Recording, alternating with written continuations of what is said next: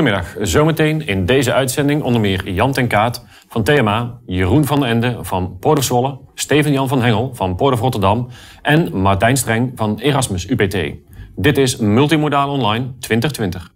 Deze uitzending van Multimodaal Online 2020 wordt mede mogelijk gemaakt door Rabobank, TKI Dynalog, Topsector Logistiek en Port of Zwolle.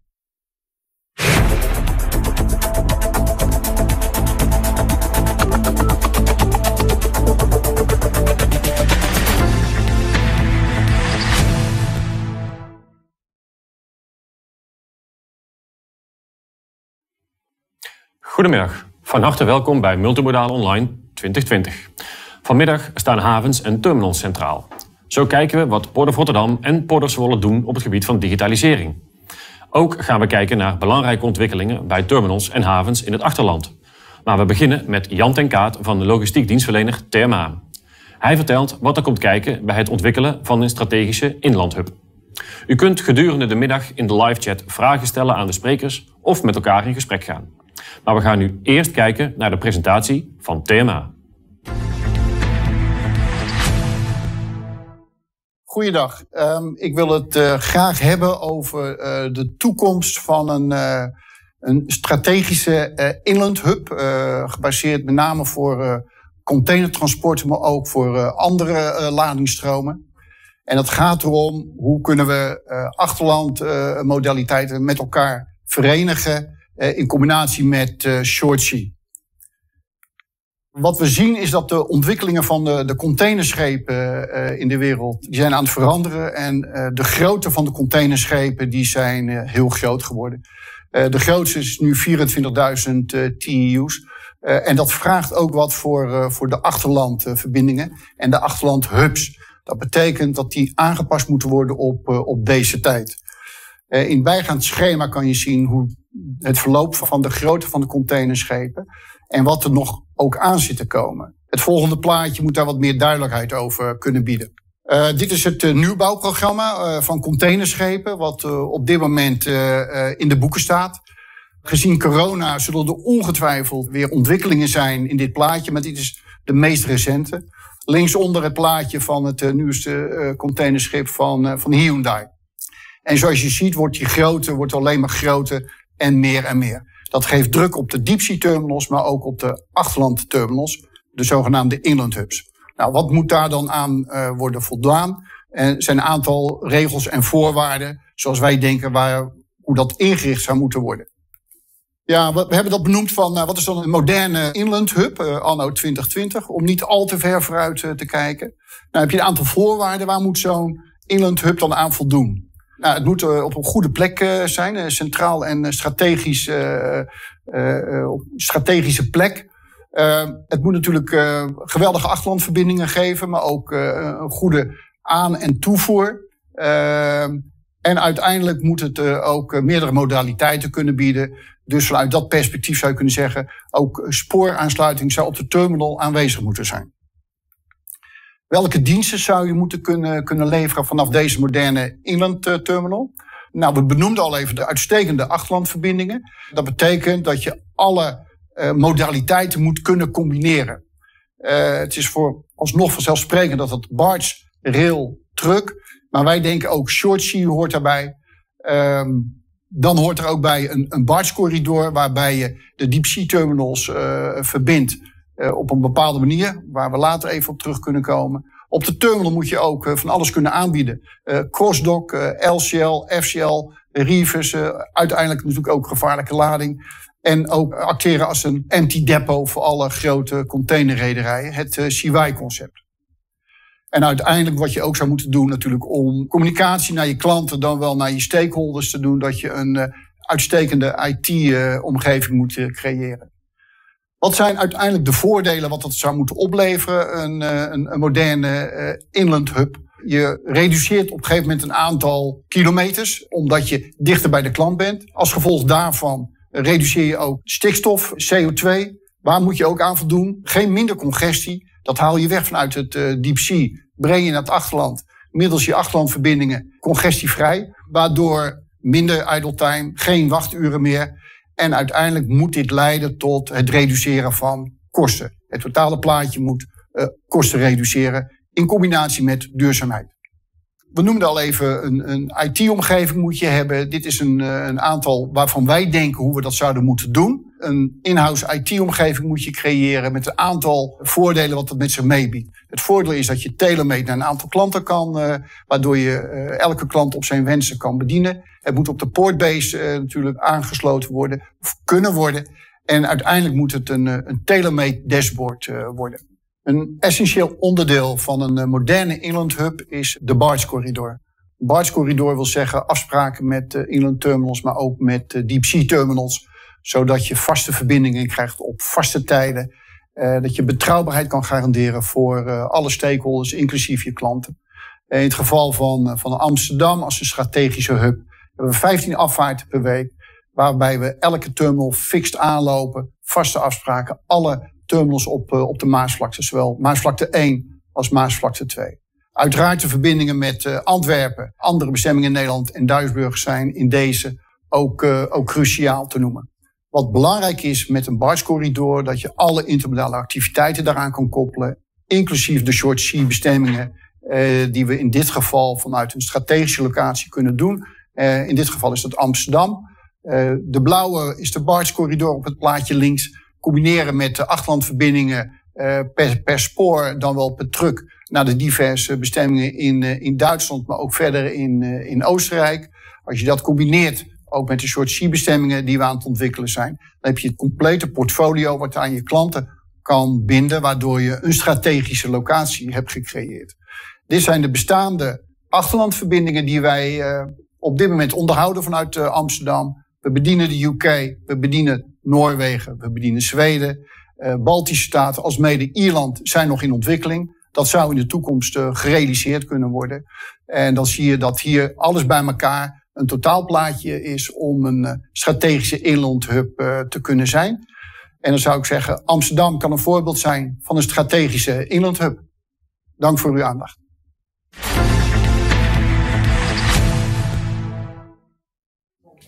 Jan, bedankt voor je boeiende presentatie. Je bent nu live in de uitzending om vragen te beantwoorden. Wat ik me afvroeg, als je een echt goede inlandhub wil zijn, moet je dan focussen op één ladingssoort of juist verschillende soorten? Met name op verschillende ladingstromen focussen. Uh, het heeft natuurlijk ook te maken dat je met name over containers praat. En containers, dat zijn natuurlijk, uh, ja, kan je alles, alle soorten commodities uh, in vervoeren. Ehm, het gaat er meer om dat je een aantal modaliteiten aan elkaar verbinden. En dat efficiënt laat, laat lopen.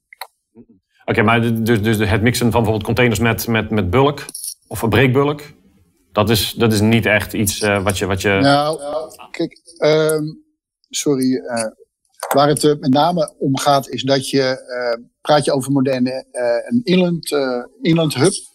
dat is met name de, met die barscorridor gestoeld dan op containers. Het is wel belangrijk dat je ook breekbulk kan aanbieden dat je ook crossdocken kan aanbieden. Zodat je zowel de containers als het bulkverhaal met elkaar kan, uh, kan combineren. dus in die hoedanigheid moet je wel alles als terminal kunnen, kunnen handelen. In onze optiek althans, om, om alles samen, samen te voegen. Want dat, dat gaat niet met elkaar botsen, denk je? niet als je een operatie hebt zoals wij hem georganiseerd hebben op de terminal, waar je genoeg capaciteit hebt. Uh, wat je natuurlijk vaak ziet is dat inlandterminals uh, op wat locaties liggen waar wat beperkte uh, capaciteit is. Nou, dat hebben wij niet. wij hebben daardoor ook hele goede toegang qua infrastructuur tot, de, tot de terminal. en we hebben heel veel capaciteit en ruimte om dit te accommoderen. En daardoor kan het goed samen. Oké. En, zie je, nou, je zei in je presentatie al van, ja, belangrijk is juist een, een, een veelheid aan modaliteiten. Hè? Niet alleen, laten we zeggen, de drie achterhaldmodaliteiten, ook short sea erbij. Zie je nou ook echt dat daar een vraag naar is vanuit, vanuit de sector? Dat die dat ook van jullie of van andere bedrijven echt verwacht? Nou, wat je ziet dat de combinatie zich voordoet. Enerzijds dat je kan organiseren als een inland sea hub, uh, dus uh, depot voor grote diepzee-rederijen. Anderzijds dat je heel interessant kan zijn voor een soort sierrederijen die hier naar Amsterdam toe kunnen komen. wat nu ook gebeurt. we zien daar een groeiende belangstelling in. Je kan dat met elkaar combineren. En wij hebben daar die Barge Corridor aan toegevoegd, waarbij we Noord-Nederland, Harlingen en Hasselt via Amsterdam verbinden met de diepzeehavens. Nou, daar kan het short sea verhaal bij, daar kan je het crossdocken bij. Nou, combineer je dat met het uh, in-house IT-apparaat wat, wij, uh, wat wij hebben, dan denk ik dat je al heel eind op weg bent om dat te leveren wat, wat de klanten zouden willen. En dan praat je over afladers, daar kan het heel interessant voor zijn. We zijn met grote afladers in de weer. Natuurlijk ook voor, voor rederijen, zowel short sea als deep sea. En je sprak het even over de Barge Corridor, die is enige tijd geleden gestart. Hoe, hoe gaat het daarmee? ja, ik moet zeggen, dat gaat, dat gaat erg goed. Je hebt in het begin natuurlijk wat, wat opstartproblemen gehad. Het is januari vorig jaar is het gestart.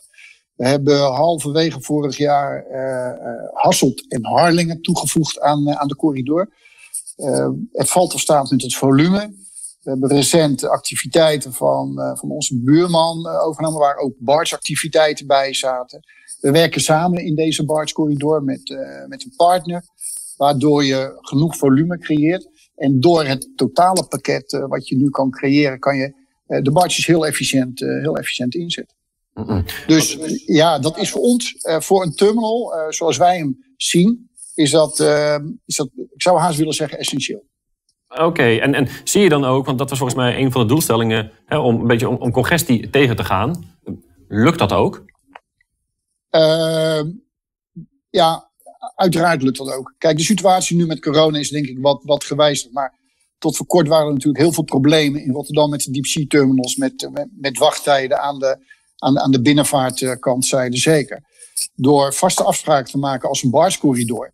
Uh, in dit geval, uh, zoals wij hem hebben ingericht, met, met alle deep terminals op de Maasvlakte. Je vaste afspraken met een bepaald volume wat je afspreekt. daardoor word je altijd tussen dat in die slot geholpen waardoor je betrouwbaarheid kan garanderen. Zowel voor de rederij als de terminals aan de diepzeekant, maar ook voor je klanten in, het, in het achterland. Uh, nou, dat, dat, loopt, dat loopt erg goed. en dat, dat, dat is alleen maar beter gaan lopen. En je ziet nu dat dat, ja, dat, dat gaat, steeds, gaat steeds verder. Steeds beter. En dat gaat ook uitgebreid worden in de toekomst. Dat, dat kan haast niet anders. Ah, oké. En zijn er al concrete plannen voor? concreet niet. Dat valt of staat ook met het, uh, met het volume. Maar ik kan me voorstellen dat het netwerk Noord-Nederland wat fijnmaziger gaat worden. Oké, ik, ik ga ondertussen even kijken. Er zijn alweer wat kijkersvragen binnengekomen. Onder andere van Erik Jansen. En hij zegt, of vraagt... Is Amsterdam niet verder door congestie in? Past een locatie als Moerdijk niet eigenlijk beter in het plaatje van een strategische inlandhub? Nou, ik zal niet zeggen dat uh, Amsterdam de enige strategische inlandhub is. Dat zou Moerdijk ook kunnen zijn. Maar laat ik niet voor Moerdijk praten. Uh, je praat over Amsterdam als een strategische inlandhub. Met een bepaalde dekkingsgraad richting Noord- en Oost-Nederland. Moerdijk zou misschien een functie kunnen vervullen voor de andere regio. Dat zou kunnen. Dus het kan allebei naast elkaar bestaan. Maar goed, ik ken de situatie in Moerdijk natuurlijk niet in detail. Laat ik het zo zeggen. Nee, oké, duidelijk. Um, ook nog een vraag uh, van eh, Julia Williams-Jacobsen. Um, en zij vraagt, hoe ziet thema de nabije toekomst qua verduurzaming? Bijvoorbeeld van de, van de first and last mile. Um, en, en ze vraagt onder andere van, hoe kijken jullie aan tegen het ZES-initiatief? Wat, wat onlangs gepresenteerd is, wat we hier ook op het evenement hebben gehad. Heb je daar toevallig iets van meegekregen? De, de, de, de containeraccus, zal ik maar zeggen, voor de binnenvaartschepen? Nee, absoluut. Daar zijn we van op de hoogte. Zowel voor wat batterij initiatief als waterstof. Daar praten we ook mee. Wij kijken ook bijvoorbeeld met het laatste uitrijden, de Lars Mile. Kan er bijvoorbeeld met terminaltrekkers, kunnen dat met elektrische terminaltrekkers, kan met elektrische vrachtwagens. Er zijn dingen waar we zeker naar kijken. Zo ook het soort C-verhaal om meer van de weg over water te vervoeren. Uh, zes, dat initiatief, dat kennen we uh, uiteraard ook. Uh, en dat zijn denk ik uitermate goede ontwikkelingen. En waar wij ook zeker belangstelling voor hebben. Absoluut. Wij willen daar met grote interesse volgen we dat. En daar hebben we meer dan grote belangstelling voor. Dan denk je ook dat dat een, een, pijler zou, kunnen zijn, moeten zijn van een strategische inlandhub in ieder geval in de toekomst. Dat je de, ook nou ja, het, het, het elektrisch vrachtwagenrijden of het elektrisch aanbieden van bijvoorbeeld deze accu's ook mogelijk maakt. Dus niet alleen de overslag, maar ook het aanbieden van brandstof. Ja, ik denk dat het een ontwikkeling is die niet te stoppen is. Dus dat is onmiskenbaar. Ja. Oké, okay. helder. Ehm, ik, ik, kijk nog eventjes naar de kijkersvragen. Um, een vraag van Rick Lubbers. Wat maakt een hubfunctie in Amsterdam aantrekkelijker dan iets dichter bij Rotterdam, zoals het Transferium Alblasserdam of het Barge Transferium Maasvlakte, zoals die recent is gestart door de ECT? Uh, wat is de meerwaarde van, van, van de aanpak die je nu bepleit? Dat is eventjes de vraag van, uh, van Rick. Nou, kijk, de functie van Amsterdam als inlandhub, dan kijk je naar de Maasvlakte, dat zijn goede initiatieven, maar ik denk dat die functie even iets anders is dan wat wij hebben als in Amsterdam. Dat is ook verder weg, dus dan is die functie ook beter. Uh, Alblasserdam is natuurlijk ook een hele goede functie. Uh, zou vergelijkbaar kunnen zijn. Waar Amsterdam zich in onderscheidt, is dat je dichter bij Noord-Nederland bent. Dat je hier de ruimte en de capaciteit hebt. En last but not least, je kan hier ook uh, short sea uh, schepen ontvangen. Uh, en dat gebeurt ook. En dat, daar zijn we ook groeiende. Dus de veelvoud van activiteiten en de locatie waar we liggen, denken wij dat we een strategische inlandhub zijn. Nogmaals, ik wil niet zeggen dat andere locaties niet strategisch zijn. Daar, ga ik ook niet over oordelen. Maar ik denk dat vanuit de situatie zoals ik hem ken in Amsterdam en zoals TMA opereert, dat wij daar uh, een uitermate uh, goede positie voor hebben. Helder. En, en eventjes een laatste vraag, misschien een beetje een beetje vervelende vraag, maar ik ga hem toch, eh, toch, toch stellen. als je kijkt naar de zaken die je net hebt aangegeven van oké, waar, nou ja, moet een strategische inlandhub uit bestaan. Um, en je kijkt dan naar de locatie van TMA in Amsterdam zelf. Waar zeg je dan van, oké, nou ja, daar is nog ruimte voor, voor verbetering bij onszelf?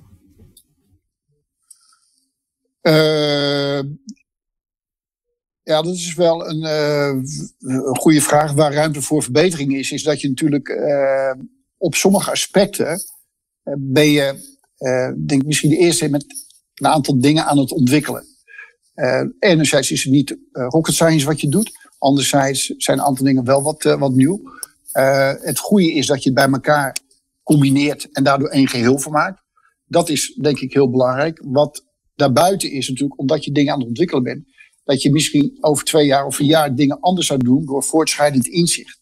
Ik kan het nu niet heel specifiek benoemen, maar straks hebben jullie een presentatie over, over de digitalisering, uh, de intreden, misschien met blockchain. Hoe ga je dat implementeren? Dat zijn allemaal ontwikkelingen waar we natuurlijk ook naar kijken.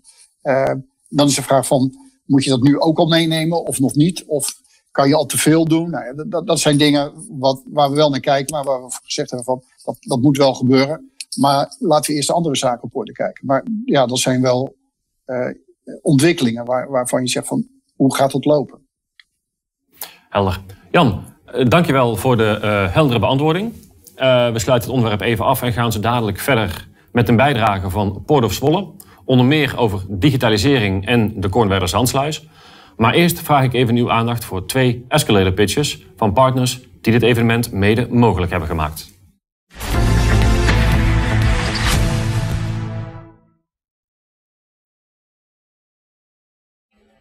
Ik ben Michelle, oprichter van MLM Promotions.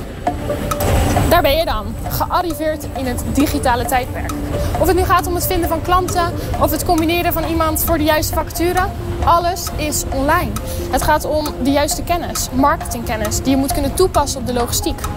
Bij MLM Promotions vonden wij tijd voor een echt logistiek marketingbureau. Geen onnodige uren schrijven of onnodige pakketten. Wij denken met jou mee als ondernemer. Wij werken voor de grootste logistiek dienstverleners tot aan de kleinste eenmanszaken. Inmiddels zou je van ons gehoord moeten hebben. Is dat niet zo? Bel mij dan even op. Dan gaan we vandaag nog voor jou aan de slag. Hoi, ik ben Wouter Rosdorf, commercieel manager bij U-Turn.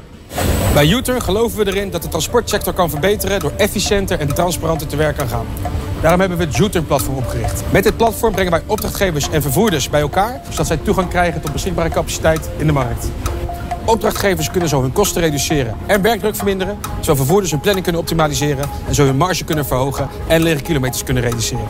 Zo creëren wij een win-win-win situatie. Niet alleen voordelen voor vervoerder en verlader, maar ook een positieve impact op de wereld om ons heen. Ben je ook benieuwd wat we voor jouw container terug kunnen betekenen? Neem dan eens contact op. Maar het is tijd om het anders te doen. Het is tijd voor U-turn.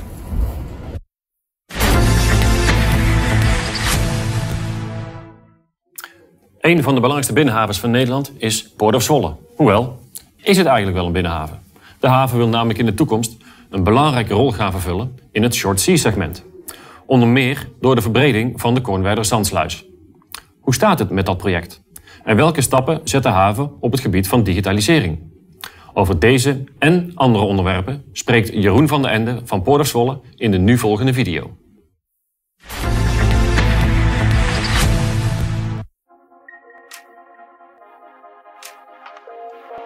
Mijn naam is Jeroen van der Ende. Ik ben directeur van het havenbedrijf Port of Zwolle. Port of Zwolle is een coöperatie met drie leden. De gemeentes Kampen, Zwolle en Meppel. Wij zijn een grensoverschrijdend havenbedrijf over twee provincies, Overijssel en Drenthe. En we staan hier op de locatie MCS, wat in Drenthe ligt, in Meppel. MCS is een van de twee containerterminals binnen ons havenbedrijf. We hebben totaal iets meer dan 200 bedrijven die ondernemen in en binnen Port of Zwolle. Dat wil zeggen dat we een variëteit hebben aan ladingsstromen, maakindustrie, werven en automotive. Een van de speerpunten waar Port of Zwolle nu mee bezig is, is digitalisering in de haven. Digitalisering, dat wil zeggen het online uh, innen van havengeld, het beter coördineren van de lichtplaatsen.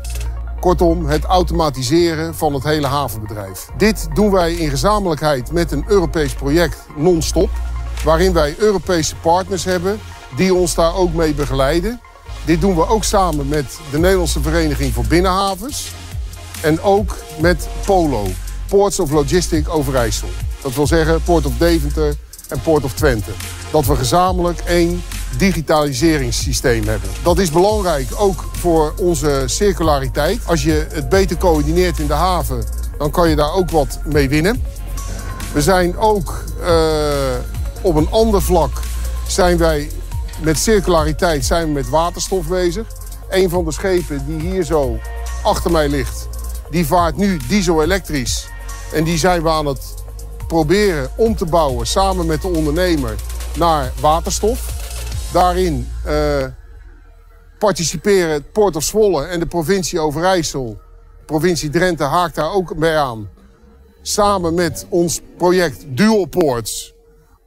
Om dat ook verder te ontwikkelen. Wij willen daar ook een behoorlijke stap in zetten in waterstof. Zodat we met schepen kunnen varen die vanuit de haven, Port of Zwolle, naar Rotterdam, Amsterdam en Antwerpen op waterstof kunnen werken. Port of Zwolle heeft een variëteit aan bedrijven. We hebben maakindustrie, we hebben scheepswerven. We hebben heel veel food. Daar zijn een aantal veevoederbedrijven. Friesland Campina zit hier achter ons. En het is ook uh, gebleken dat ook met deze uh, corona-perikelen uh, is dat eigenlijk dit soort dingen gewoon door blijven lopen. Versus nog, er werd zelfs meer druk op gezet om alle supermarkten uh, goed te kunnen blijven voorzien van uh, voedsel. Port of Zwolle heeft tijdens de coronatijden ook wel wat minder lading doorgevoerd gekregen. Maar we hebben eigenlijk ook wel gezien dat we een vitaal onderdeel zijn in de achterland. Hier wordt heel veel voed overgeslagen. Hier wordt heel veel uh, essentiële onderdelen voor de maatschappij overgeslagen. Veel veevoeder, melk. Uh, en daarin hebben we eigenlijk kunnen voorzien. De schepen die hier kwamen vanuit de zeehavens zijn gewoon behandeld. Uh, de containers die bij Friesland Campina werden geladen voor de rest van de wereld zijn gewoon afgehandeld. Ook vanaf deze terminal. Dus dat is eigenlijk allemaal wat doorgegaan. Het is ook wel toch wel gebleken dat scheepvaart in dit soort tijden van eh, dat, het een, eh, dat, het, dat het toch allemaal wat lastiger is. Een heel belangrijk vitaal onderdeel is in onze maatschappij. In de toekomst, eh, en dat heeft zich eigenlijk ook wel het laatste half jaar afgespeeld... verwachten wij dat de Komwerder Zandsluis in het IJsselmeer, in de afsluitdijk, nu gerealiseerd gaat worden.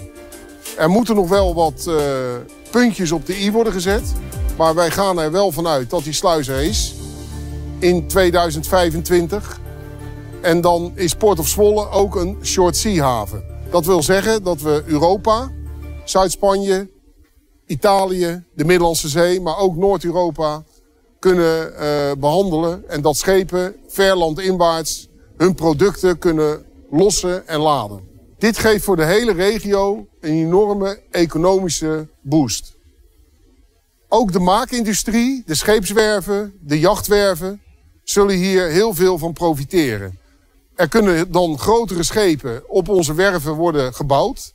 En deze schepen kunnen ook terugkomen door de sluis om eventueel onderhoud te plegen op dezelfde werven. Wat we ook zullen zien is dat als die sluis er is, er meer economische spin-off komt en meer werkgelegenheid, omdat bedrijven zich hier toch ook wat makkelijker zullen vestigen in de buurt van een zeehaven.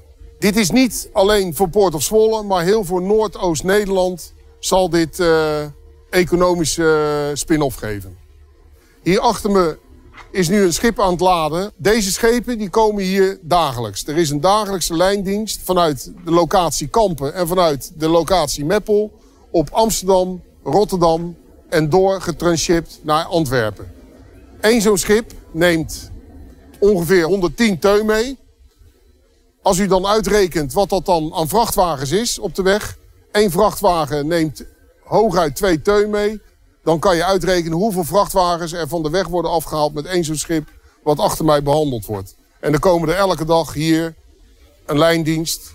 En zo kunnen wij ook onze klanten met een betrouwbare service bedienen.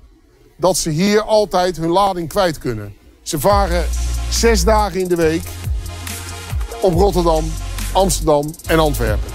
Port of Zwolle wil alle kansen en opportunities benutten. Ook op de Human Capital agenda gaan we goed inzetten dat we mensen uh, kunnen begeleiden naar werk en een baan in de logistiek. Dit is voor ons heel belangrijk om het economisch zo dusdanig te organiseren dat bedrijven die hier zitten kunnen uitbreiden en nieuwe bedrijven hier goed kunnen gaan ondernemen.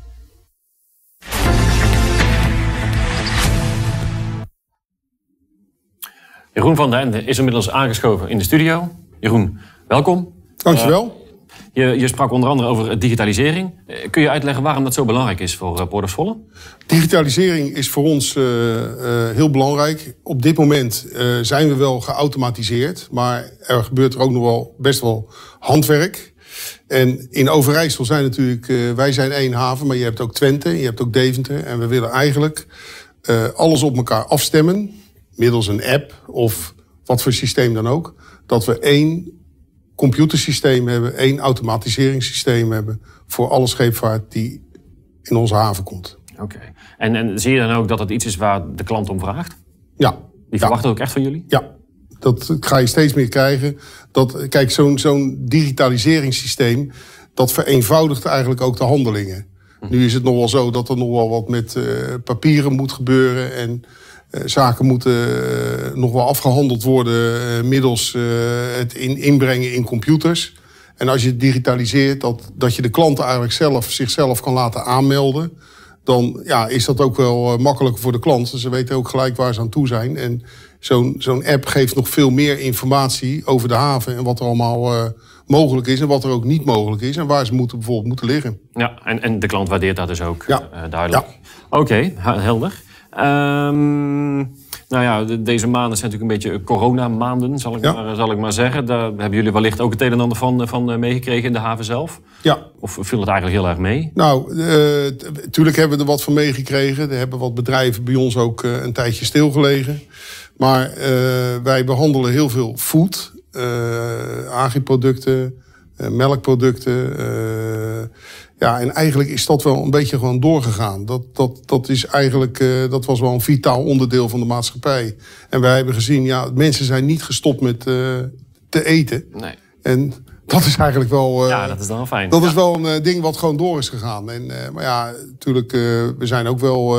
Er was ook wel wat minder lading. En, en, en ja. Maar zie je dat dat nu, zeg maar, dat deel wat, ja. minder werd, dat dat weer. Ja, ja, de Scania-fabrieken zijn bijvoorbeeld weer voluit bezig. Die hebben ook heel eventjes stilgelegen. En uh, ja, dat is allemaal wel weer aangetakt. Dus wij zien ook wel weer dat het weer een beetje aan het stijgen is. Oké, okay, helder. Um, nou ja, je had al even over de Kornwerder Zandsluis in je uh, presentatie. Ja.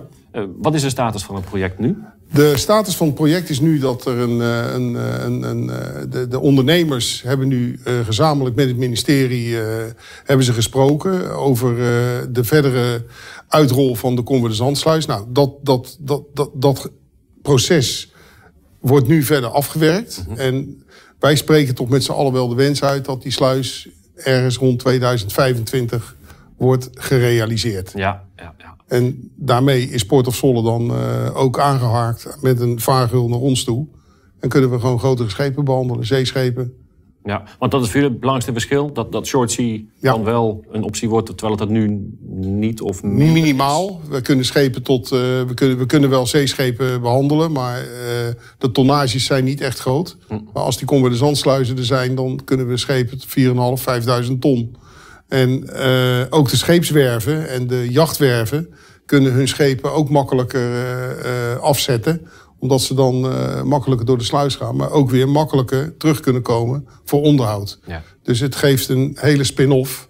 En wat je ook bereikt, is dat je ver landinwaarts uh, je, je producten kan afzetten. Je Ja. snijdt er een. de, de, Ja, we zeggen eh, minder, minder achterland. minder. Ja. Ja, precies. Ja. Oké, helder. Ehm, er kwam een eh, eh, vraag binnen, eh, eh, eh, onder meer over, over short sea. Vraag is van eh, Ingrid van Mil. Hoe ziet Port of Zwolle het realiseren van het aantrekken van short sea? Ook de short sea schepen worden steeds groter qua capaciteit. En ze vraagt zich af, is er voldoende diepgang om eh, nou, die schepen in, in, daadwerkelijk in Zwolle te krijgen? Dus even los van de sluis, maar de diepgang. Ja, de diepgang eh, zal ergens rond de 5,5 meter zijn. En ja, dat is het. De sluis wordt eh, 160 meter, 24 meter breed. Eh, dat zijn de schepen die wij kunnen behandelen. Groter kunnen we ze niet maken, maar dat is al een enorme stap.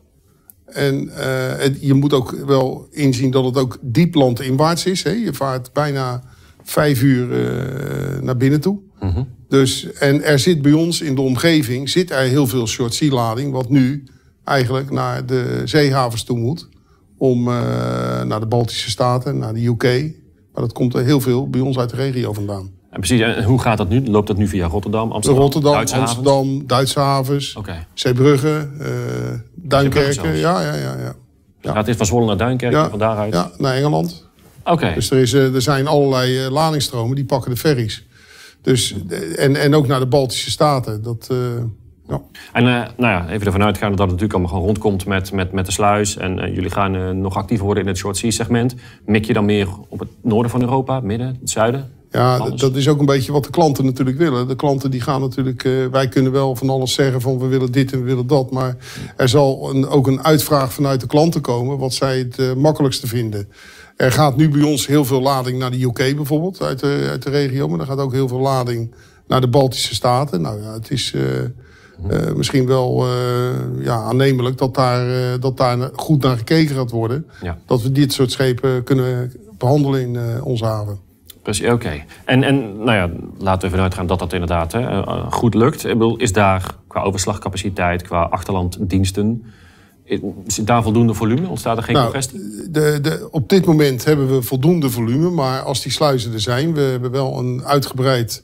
eh, we zijn wel nu met een heel groot project bezig om te kijken waar we eh, havenuitbreiding moeten eh, gaan doen. Oké. En eh, nou, daar zijn we ook een beetje nu over aan het praten. En eh, ja, we kunnen natuurlijk ook eh, de bedrijven die er nu zitten, kunnen die schepen ook behandelen. Dus op dit moment zouden we dat al kunnen. Maar er zal in de toekomst misschien ook wel gekeken moeten worden naar circulair, circulaire havenuitbreiding. Ah, oké. En Wat voor uitbreiding noem je net al even? Waar denk je aan? Als Nou ja, in, een, een, een, een, een haven misschien aanleggen die meer energie oplevert dan dat die kost. Ja, op die manier. Oké. Ja. En, en ook als het gaat om qua, qua, qua, qua capaciteit, zijn er al concrete plannen voor uitbreiding? Nou, er, er, zijn, er zijn nog niet echt hele concrete plannen van waar of wat. Maar we zijn daar wel nu een, eh, een uitgebreide studie in begonnen hoe we het zouden willen hebben. Oké. Oké. Ik zit ondertussen eventjes te kijken weer naar de uh, uh, kijkersvragen. Um, komt onder andere een, uh, een, vraag binnen van Willem Otto Hazelhorst. En hij vraagt, wordt de Korenverder Zandsluis voldoende uitgerust voor de passages? Ook qua bediening? Ja. Oké. Ja. Dat is een duidelijk antwoord. Ja. Dan hoeven we dan ook niet lang... Dan zou je niks aan de sluis hebben. Nou ja, inderdaad. Maar goed, dat, uh, ja. uh, desalniettemin begrijp ik wel dat die vraag ja. speelt. Um, ook een vraag over het non-stop project ja. van Bart Banning. Hoe krijg je in dat project ketenpartijen, zoals verladers en vervoerders, hoe krijg je die mee? En wat zal of moet hun commitment in het project zijn? Nou, het non-stop project, dat is een, een, een, project waar we de digitalisering ook in willen organiseren. Uh, digitalisering wil ook zeggen dat je dingen lean en mean gaat doen. Hè? Dus dat je eigenlijk minder bewegingen krijgt. En wij praten ook met de ondernemers hoe we bijvoorbeeld zo'n digitalisering gaan organiseren. Het moet natuurlijk wel gebruikersvriendelijk zijn. En dat doen we in samenspraak met de Nederlandse Vereniging voor Binnenhavens. En ook met POLO, Ports of Logistic Overijssel. Daar zit Port of Twente en Port of Deventer ook in. Om iets te ontwikkelen wat gebruikersvriendelijk is, maar wat voor de ondernemers ook goed bereikbaar is. Dus daar haken we wel meerdere partijen aan. Het moet niet een, uh, iets zijn wat uh, onhandig is om mee te werken. Nee, precies, precies. Oké. Uh, nog een andere vraag van uh, Bernd Wagner. En hij vraagt, hoe is het gesteld met de, de spooraansluiting bij Poort of Zwolle? Nou, dat is een goede vraag. daar hebben we, we hebben daar een aantal onderzoeken voor laten uitvoeren. Dat hebben we gedaan. En we staan nu op een punt dat we een verdiepingsslag moeten gaan maken. Er zijn een aantal grote verladers in onze, in onze regio waarvoor een spooraansluiting belangrijk is. Mhm. Maar een spoorterminal aanleggen, dat is eh, redelijk kostbaar en het moet wel gebruikt gaan worden. Dus na de zomer gaan wij daar een eh, besluit over nemen of we die verdieping uh, verder gaan uitbouwen. Dus we gaan daar wel verder mee om te kijken of we een spooraansluiting willen. Ja, helder. Dankjewel, Jeroen. Um, zo dadelijk gaan we verder praten over digitalisering met Steven-Jan van Hengel van Port of Rotterdam. Ook spreken we met Martijn Streng over de belangrijkste ontwikkelingen in achterlandhavens en spreken we met hem over het laagwater. Maar eerst even aandacht voor enkele partners van Multimodaal Online 2020.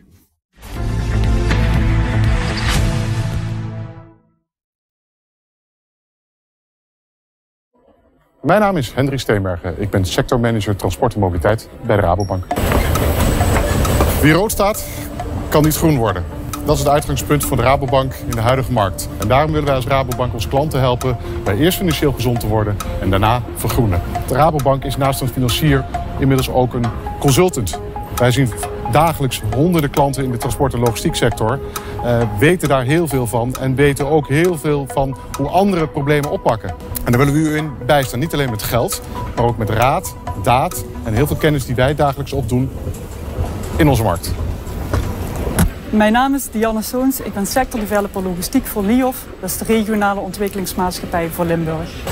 Wist u dat in Venlo op dit moment wordt gebouwd aan de grootste inland terminal van Nederland? Dat Maastricht Aken Airport de tweede grootste vrachtluchthaven van Nederland is. En dat er nu al in Limburg vier elektrische 44 tons vrachtwagens rijden voor de last mile distributie. De logistieke sector is de tweede grootste sector in Limburg. En we hebben een sterke wereldpositie door de vele multimodale verbindingen.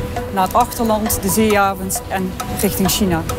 En voor het behoud van deze positie is verduurzaming en digitalisering van cruciaal belang. En dat is precies waar we in Limburg samen met onze partners aan werken.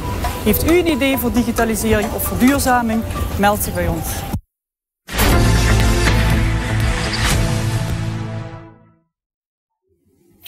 Steven-Jan van Hengel is inmiddels aangeschoven in de studio om wat meer te vertellen over digitaliseringsprojecten in de Rotterdamse haven. Steven-Jan, welkom. Dankjewel. Uh, digitalisering is al enige tijd uh, een van de speerpunten van de Rotterdamse haven. Kun je uitleggen waarom? Ja, we zijn al een aantal jaren bezig met digitalisering. Het is naast energietransitie een van onze twee strategische thema's. En wij denken dat wij door het digitaliseren van de haven, door het komen met slimme toepassingen, de haven interessant kunnen maken, relevant kunnen maken voor verlaatste. Uh, maar ook uh, dat wij daarmee onze duurzaamheidsdoelstellingen kunnen ondersteunen, kunnen bewerkstelligen. en dat we zo de haven van de toekomst kunnen zijn, de slimste haven. En zijn jullie goed op weg, vind je? Ja, we hebben inmiddels een aardig portfolio aan, aan initiatieven lopen. Ehm, ehm, eigenlijk focussen we daar op, op, twee, op twee vlakken. aan de ene kant kijken we hoe we de processen in de haven kunnen optimaliseren maar de nautische infrastructurele uh, processen. Uh, aan de andere kant kijken we ook naar de keten, dus de ladingsstromen van, naar en via Rotterdam. Hoe we die uh, kunnen verbeteren door het toevoegen van transparantie, vis visibility, et cetera. Mm, mm, mm. En is het nou iets waarvan je zegt van oké, dat, dat, dat, dat de markt vraagt van ons? Ik vroeg het net ook al aan, aan Jeroen van den Ende van Zwolle. Jullie merken ook bij de bedrijven in de haven, de rederijen van Laders, et cetera zij verwachten dat ook van jullie. Ja, we zien, eh, we zien dat eh, de adoptie uh, elk, jaar, elk jaar groeit. Uh, de meeste applicaties hebben we in ieder geval een behoorlijke basis aan dan wel operators, dan wel verladers of expediteurs die ze gebruiken. Uh, dus ja, we zien dat zeker groeien. sowieso zie je denk ik in de industrie, in de industrie dat digitalisering, dat daar steeds meer focus op komt. vanuit een havenbedrijf, maar ook vanuit een operator of een, of een expediteur bijvoorbeeld. Ja, ja. En, en dan is natuurlijk altijd een beetje de vraag van, joh, zoveel uh, aandacht voor digitalisering. Gaat het niet ten koste van het aantrekken van lading? Wat is jullie ervaring daarmee? Nou, het kan elkaar, het, dat, dat, dat, dat kan elkaar juist, uh, juist versterken. Uh, ik denk uiteindelijk dat een aantrekkelijke haven dat die ook lading aantrekt en, en aan zich bindt. En wij zien juist dat we de propositie van Rotterdam juist kunnen versterken. En dat het juist kan accelereren in het aantrekken van nieuwe lading. of het behoud van ladingsstromen, maar ook het optimaliseren van ladingsstromen. Eh, zie je ook wel in praktijk dat er bedrijven zijn die, die, die kiezen om in Rotterdam nou ja, zich te vestigen of daar naartoe te gaan of daar te blijven vanwege. Ja, we zien een aantal, eh, we zien een aantal voorbeelden. Uh, uh, een voorbeeld is het Port Exchange platform, voorheen bekend als, als Pronto, waar we natuurlijk kijken hoe we de maritieme, hoe we een scheepskool kunnen optimaliseren door één centrale planning te geven van wat er rondom dat schip allemaal gebeurt. Uh, we zien bijvoorbeeld dat we daarmee uh, uh, CO2-uitstoot kunnen, kunnen verlagen door middel van het, het faciliteren van just-in-time varen. Mhm. Maar ook dat we de havenverblijftijd in een, van een schip kunnen, kunnen verkorten. in sommige gevallen tot wel 20 procent. Dus dat is uiteindelijk directe waarde, zowel financieel, maar ook vanuit een duurzaamheidsperspectief en ook vanuit een operationeel efficiëntieperspectief. aan de andere kant, een andere tool die we recent opnieuw hebben gelanceerd is Navigate, waar we verlazen expediteurs helpen bij het plannen en oriënteren van hun routes. Dus we geven een, een simpel, op een simpele manier inzicht in alle verbindingen van, naar en, en via Rotterdam, zowel zeezijde als, als achterland. En uh, daar zien we toch wel een behoorlijk gebruik van, van enkele honderden gebruikers per dag die die tool gebruiken. om, ja, en, en waarmee ze geholpen worden om aan de ene, aan de, aan de ene kant hun supply chain te optimaliseren, maar ook door ja, uiteindelijk ook slimme keuze te maken. Ga ik nu per spoor, binnenvaart of truck mijn, uh, mijn, uh, mijn lading vervoeren naar, het achterland. Dus ook daar zien we dat het een, uh, een positief effect heeft in de shift van, van met name truck naar meer duurzame alternatieven. Zoals binnenvaart en spoor. Nou, dus je ziet dus dat die model shift enigszins door, door digitalisering wordt versneld? Ja, het is, nou, het is natuurlijk een, eh, een, een breed pakket aan, uh, aan initiatieven. Uh, ik zeg niet dat het alleen door digitalisering komt. Er zijn natuurlijk andere initiatieven. Uh, bijvoorbeeld de fixed windows, waar, waar denk ik eerder deze week over gesproken is. Maar bijvoorbeeld ook gisteren de, de aankondiging van het BART transferium in, op de Maasvlakte. Uh, maar in het hele pakket van, van dat soort maatregelen speelt die digitalisering inderdaad wel een rol uh, die dat kan versterken. Ja. ja, ja, ja. En uh, nou ja, het, het, het, congestieprobleem staat inmiddels al enige tijd op de agenda natuurlijk. Um, digitalisering speelt daar ook een, een, belangrijke rol in. Volgens mij je uh, maakte het net al even melding van. Kun je er nog iets meer over zeggen? Nou, als je kijkt naar, naar binnenvaart heel specifiek, zijn we natuurlijk bezig met uh, NextLogic. Uh, waarin we natuurlijk kijken hoe we de, de planning van binnenvaartschepen die de haven bezoeken kunnen optimaliseren. Maar ook hoe we de, de, van, van, van terminals daarin kunnen optimaliseren. nou, we zijn daar nu momenteel mee aan het, aan het proefdraaien. Dat gaat, dat gaat erg goed. Dus de eerste, de eerste uh, resultaten zijn, uh, zijn hoopge hoopgevend. En, en hopelijk uh, ja, zetten we dat door en gaan we het ook echt lanceren. Ja. Dus, dus daar zie je inderdaad dat het, elkaar ook, weer, ook wederom weer kan versterken. En, en heb je al een idee wanneer die lanceerdatum... Uh... Nou, dat hangt natuurlijk allemaal af van hoe de test gaat. Mm we kunnen natuurlijk één keer lanceren, doen we het liefst, doen we het liefst goed. Ja. Uh, dus wat ik zeg, uh, nou, de eerste, eerste resultaten zijn, zijn hoop, hoopgevend. Uh, wij gaan later dit jaar nog, een, nog, een, nog, nog, verder door met, met testen. Maar we hebben goede hoop dat het, op niet, dat het, dat het nog dit jaar gaat lukken. Oké, nog dit jaar dus. En zijn er enkele programma's of initiatieven waar jullie de komende tijd, komende half jaar, komend jaar mee gaan starten? Uh, nou, we kijken natuurlijk altijd ook de applicaties die we hebben, hoe we die kunnen, hoe we die kunnen uitbreiden. Wat voor, uh, wat voor additionele diensten we daaraan kunnen toevoegen. Uh, dus we hebben er altijd een, een, eh, ja, een blik naar buiten.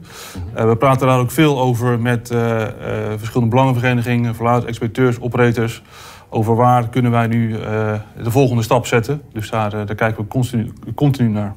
En bij wie ligt dan het initiatief? Is dat iets wat jullie zelf doen? Komen verladers? Nee, dat, kan, uh, dat, dat, dat, dat kan beide zijn. dat kan ook in, in, in, in consortia zijn.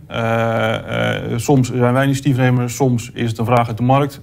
soms doen we dat samen met partijen, soms zetten wij een eerste aanzet. Dus dat is een heel breed, heel, heel, heel breed pakket hoe we dat, hoe we dat kunnen doen. En lukt het een beetje om, om partijen erbij te betrekken, om alles te organiseren? Ja, ja. Wat ik net al, aangaf, de, de, de adoptie neemt toe. maar ook de initiatieven in de markt aan zich neem, nemen toe. Dus, dus ja, ik denk zeker wel dat de, de hele sector zeg maar, zijn ogen open voor digitalisering en ook ziet wat daar mogelijk is. En, en zijn er al concrete resultaten die je kunt, ja, kunt benoemen of kwantificeren? Nou ja, wat ik, wat ik, net al zei, uh, bijvoorbeeld het Port Exchange platform, waar, we, waar we echt zo'n uh, zo'n uh, havenverblijf van schip kunnen, kunnen verkorten. dat betekent aan de ene kant dat het schip natuurlijk eerder op, op zee is, e-, eerder wel geld verdient. Hè. Een, een, schip in de haven is een, hetzelfde als een vliegtuig wat niet vliegt, hè. Dat, dat kost geld. aan de andere kant zien we dat we ook de, de planning daaromheen, dus met de roeiers, de, de, de roeiers, de slepers. Uh, de loodsen, dat we die uh, ja, beter kunnen plannen en ook, uh, ook beter kunnen faciliteren. Um, en we uiteindelijk natuurlijk ook de kaderopzetting die daar profijt van heeft. Dus uiteindelijk kun je ook meer schepen in evenveel tijd behandelen. Ja, ja, en, en zie je ook dat, dat bedrijven die nou, meer gefocust zijn op het achterland, ook voor hen worden er bepaalde resultaten geboekt? Ook zij profiteren ervan? Ja, want eigenlijk de, de, dezelfde parallel geldt voor wat we nu zien in de, in de pilotfase van, eh, van NextLogic. Um, ook daar zien we havenverblijfstijden uh, verkorten, proces optimaliseren. Uh, dus ja, daar zien we dezelfde resultaten. Geldt trouwens over, ook, ook voor het spoor. Uh, een andere natuurlijk een belangrijke modaliteit uh, binnen Rotterdam, waar we met, met, met OnTrack mm -hmm. ook rail-infra beheerders, vervoerders, terminals inzicht geven in waar is mijn trein, wat is de, de, de ETA of de ETD. Uh, hoe ver is mijn, is mijn, is mijn, uh, uh, mijn cargo operation complete? En daar zie je ook dat in die afstemming dat we daar winst kunnen of winst boeken. Helder. Dankjewel. Ik ga even naar een andere gast. Die is niet in de studio, maar via live videoverbinding bij ons. Um, en wat je ziet is dat naast, naast de zeehavens zoals Rotterdam ook achterlandhavens en terminals een belangrijke rol in de in logistiek vervullen. Um, welke ontwikkelingen zien we zoal in deze sector en wat waren de gevolgen van het aanhoudende laagwater in 2018? Dat zijn de zaken waar ik met Martijn Streng van Erasmus Center Urban Port and Transport over ga praten. Hij deed onder meer onderzoek naar de economische waarde van uh, binnenhavens. Martijn, welkom in de uitzending. Kun je iets meer vertellen over dit laatste onderzoek? Ik kan zeker iets meer vertellen over de, over de Binnenhavenmonitor. De ehm, Binnenhavenmonitor is een studie die wij in opdracht van uh, het ministerie van INW uitgevoerd hebben. Uh, en waarin we eigenlijk kijken naar het economisch belang van de Nederlandse binnenhavens. Uh, kun je natuurlijk op meerdere manieren definiëren. En in de Binnenhavenmonitor kiezen we te kijken naar werkgelegenheid en naar toegevoegde waarde. En wij wijken eigenlijk op, kijken we naar bedrijfslijsten stellen we op voor een steekproef aan binnenhavens. Die worden vervolgens doorvertaald naar een aantal werknemers en toegevoegde waarde. En die rekenen we dan weer door naar de cijfers voor heel Nederland. Helder. En je hebt enkele cijfers van het onderzoek op een rijtje gezet. Die tabel die, die, die krijgen we nu te zien. kun je toelichten wat we precies op deze tabel nu zien? Ja, nou die tabel, daar zie je eigenlijk een uh, totaalbeeld voor, voor heel Nederland in 2018. Uh, er worden een aantal typen binnenhavens onderscheiden. En um, ik zal eventjes een beetje, want ik ga niet alle cijfers met jullie doornemen, maar een beetje de, de belangrijkste bevindingen in ieder geval even delen. En wat daar, wat daar wel belangrijk is om te zeggen, is dat de, de vorige binnenhavenmonitor over 2014 ging. De afgelopen monitor, die we net gepubliceerd hebben, over 2018. Dus er zit best een periode tussen die twee jaren in. En dat is, als je kijkt naar de algemene economie, zie je een periode met flinke groei. En dat is ook wel een groei die je terugziet in zeker bepaalde type binnenhavens. Uh, en als je even kijkt naar totaal, de totale toegevoegde waarde die je helemaal op de onderste regel ziet staan, dan zie je dat, het, dat de totale toegevoegde waarde van alle Nederlandse binnenhavens in 2018 12,8 miljard was. Dat is een toename van ongeveer 900 miljoen euro. Um, kijkend naar eh, verschillende type binnenhavens zie je dat een aantal type havens relatief sterk groeien aantal type havens wat, wat minder sterk groeien. Als ik dan eventjes kijk naar wat verschillende types, dan zie je dat vooral de, de containerhavens en de multifunctionele containerhavens uh, gegroeid zijn. Je ziet dat de, werkgelegenheid gegroeid is, maar ook de overslag van die havens. Ook containeroverslag in havens die eventueel in een andere categorie vallen. En als je kijkt in 2018 zie je dat er bijna 11.500 mensen in uh, werkzaam zijn in de containerhavens, uh, die samen ruim 1,1 miljard euro aan toegevoegde waarde realiseren. En de opkomst van, wat wij in ieder geval zien als de opkomst van e-commerce en de daarbij behorende distributiecentra, uh, die het in ieder geval voor, voor een deel de binnenvaart als modaliteit gebruiken. Een tweede stijging die je wel, je wel ziet, opvallende stijging, is, uh, als je kijkt naar de industriehavens, in deze tabel zie je daarvoor de industriehavens en de multifunctionele industriehavens, die gezamenlijk een, een toegevoegde waarde van ruim, bijna 3 miljard euro hebben. Wat ook wel een flinke stijging is sinds, sinds 2014. En als je kijkt eigenlijk een beetje naar, het generieke beeld, dan zie je dat de meeste type havens wel een, een stijging laten zien, uitzondering van de agrohavens. Um, en het totaalbeeld blijft uh, de stijging relatief beperkt, maar het heeft ook deels te maken met een klein stukje methodologische aanpassing. En, en maar ja, je zei al, hè, de, de, economische waarde is uh, best behoorlijk toegenomen in, uh, in vergelijking met de monitor van 2014. Durf je al een inschatting ma te maken voor de monitor voor, nou ja, wanneer komt de volgende? 2021, 2022? Gaan we die groei, gaan we die groei doortrekken? Nou, daar zijn natuurlijk een heleboel variabelen die, die daarop van invloed zijn. Ik denk dat eh, als je momenteel kijkt natuurlijk naar de overslagcijfers in de zeehavens, ook als gevolg van corona, hè, Rotterdam kondigt natuurlijk tientallen percentages krimp van de overslag in ieder geval. En Rotterdam functioneert natuurlijk wel als nou, in ieder geval een van de belangrijke draaischijven richting ook de binnenhavens. Um, dus het is zeker niet uit te sluiten dat daar gevolgen ook in de binnenhavens van gemerkt gaat worden. Um, en deze, de, de, het heeft met allerlei sectoren, ontwikkelingen in sectoren te maken. Dus ik, ik vind het lastig. Ik denk dat het uh, niet zo sterk meer zal groeien als misschien geweest is. Al zal bijvoorbeeld e-commerce wel door blijven groeien. En, en als je dan kijkt naar, naar uh, die e-commerce, voor welke type havens of welke regio's zou dat gunstig kunnen uitpakken? Kun je daar iets, iets over zeggen? Ja, nou je ziet in de, in de containerhavens en de multifunctionele containerhavens, waarbij distributiecentra vervolgens omheen zitten, daar zou het wel gunstig voor, voor kunnen uitpakken. Dat is de meest, zeg maar, kenmerkende categorie die eraan gelieerd is.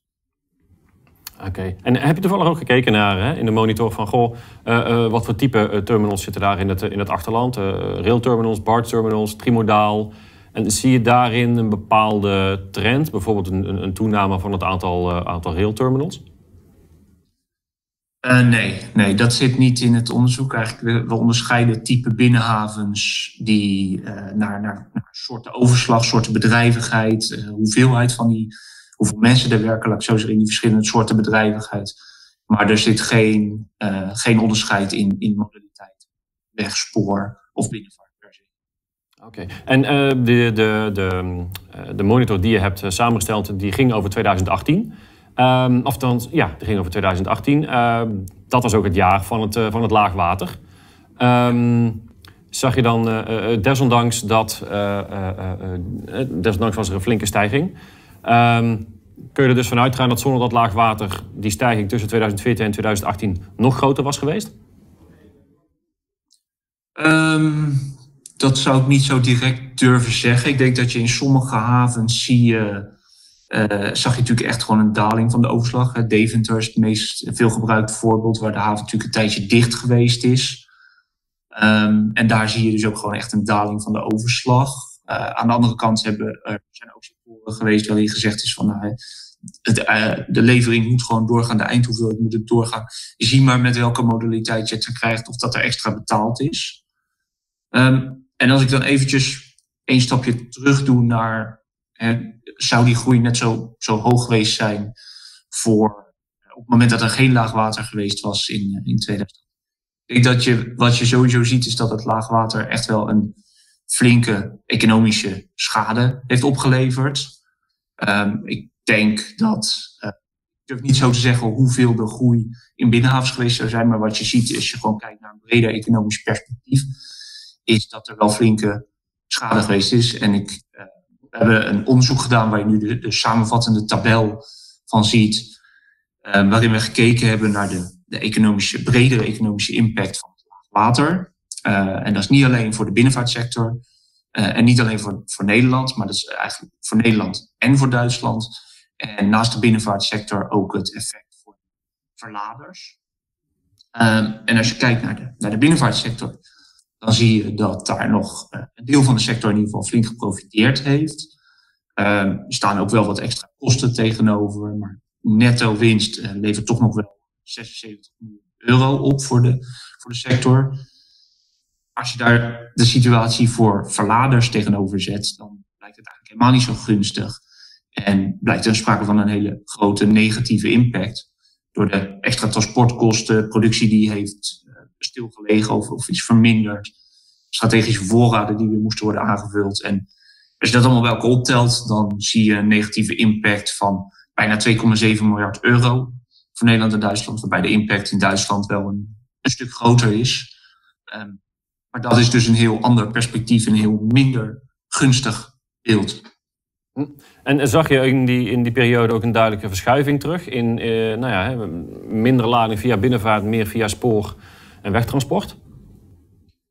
Uh, ja, ten dele wel. Je, de, de, de basis van het onderzoek lag in interviews met, uh, met verladers. En daar hebben we gewoon ook expliciet gevraagd of, en zo ja, welke aanpassingen hebben ze in vervoersmodaliteiten gemaakt. En de antwoorden varieerden van, nou, we hebben echt gewoon een daadwerkelijke verschuiving. We hebben echt andere modaliteiten gebruikt. Tot, we doen het nog steeds precies hetzelfde, maar we betalen gewoon meer. Um, Sommigen zeggen, hè, we gaan daar wel naar kijken, we zijn er niet mee bezig. En nou als je daar dan even als onderzoeker even de, de statistieken van het CBS bij pakt, dan zie je ook wel daadwerkelijk een, een daling van het aantal tonkilometers van de binnenvaart in 2018. Uh, en daartegenover zie je ook echt wel een stijging van het wegvervoer. Uh, en ook een zelfs wat sterkere stijging, met 8,6% in het, uh, in het spoorvervoer. Dus, en je ziet ook wel dat die begin 2019 in ieder geval niet geheel is, is teruggekeerd. Dus ja, als je het in, in recente nieuwstermen spreekt, dan zou je kunnen zeggen dat er een nieuw normaal is waar, waar havens toch echt, binnen havens en terminals toch ook echt wel rekening mee moeten houden. En ook al rekening mee gehouden hebben, natuurlijk sinds 2018. Ja, en, en kun je ook iets zeggen over hè, de, lading is natuurlijk verschoven van binnenvaart naar andere modaliteiten. Is dat, eh, was dat voor een aanzienlijk deel blijvend? Of is het eigenlijk allemaal weer teruggegaan naar binnenvaart? Heb je daar enigszins inzicht in? Nou, je ziet dat, dat een deel nog steeds wel, uh, dat een deel niet is teruggekeerd. Dus er is echt wel lading verloren gegaan. De exacte hoeveelheden verschillen een beetje voor verschillende typen goederen, verschillende routes. Maar een deel is, is, is echt gewoon weg. En uh, um, we hebben het even gehad natuurlijk over de verschillende modaliteiten. Maar als je kijkt naar de, uh, de terminals, wat hebben zij gemerkt van het uh, laagwater? Had dat ook op hen een bepaalde impact? Ja, nou ja, zeker. Je ziet natuurlijk enerzijds dat, dat er verschillende modaliteiten ingezet zijn. Dat de goederen dus soms op een andere manier van en naar de terminal komen. Um, in sommige gevallen is vervoer uitgesteld of, of zelfs afgesteld. Wat dus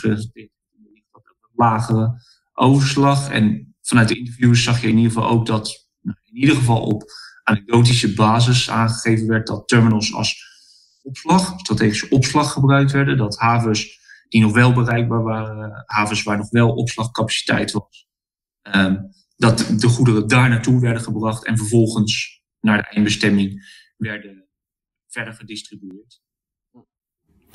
Uh, Steven Jan, ik uh, maak weer even de, de, de overstap naar jou. Port of Rotterdam zal ongetwijfeld op het gebied van, van laagwater ook wel het een en ander hebben gemerkt. kun je daar iets over zeggen? Bijvoorbeeld verschuiving van ladingen? Nou ja, het is natuurlijk een belangrijke modaliteit voor Rotterdam. Elk jaar zo'n 4 miljoen teu via binnenvaart van en naar Rotterdam. je ziet inderdaad een verschuiving tussen modaliteiten. Ehm, het is wel een probleem wat natuurlijk ook internationaal is. Dus uh, wij zijn er zeker over in gesprek met uh, alle verschillende belangenorganisaties, overheden.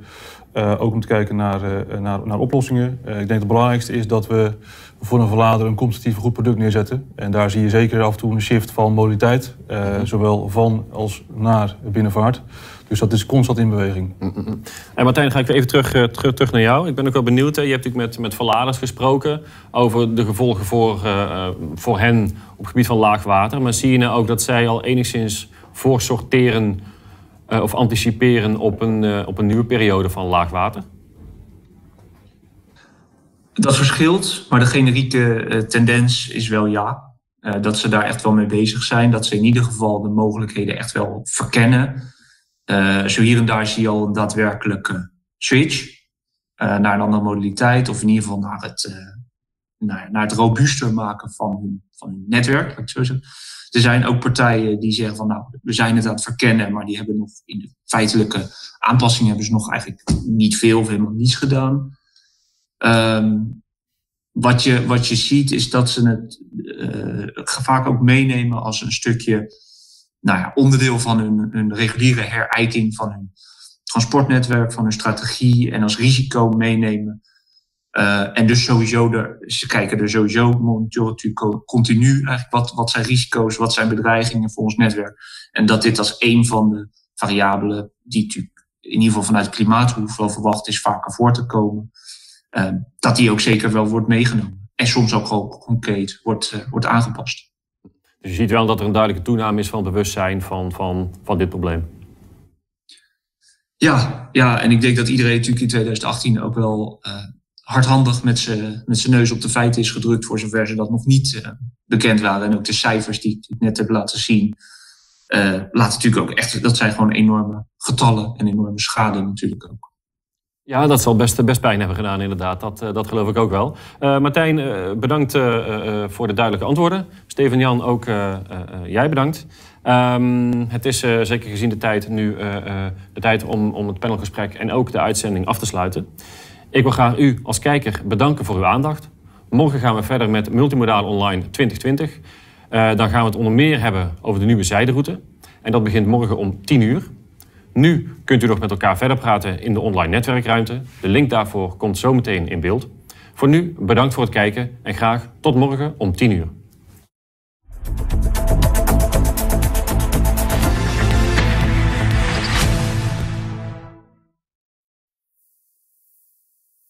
Deze uitzending van Multimodaal Online 2020 wordt mede mogelijk gemaakt door Rabobank, TKI Dynalog, Topsector Logistiek en Poort of Zwolle.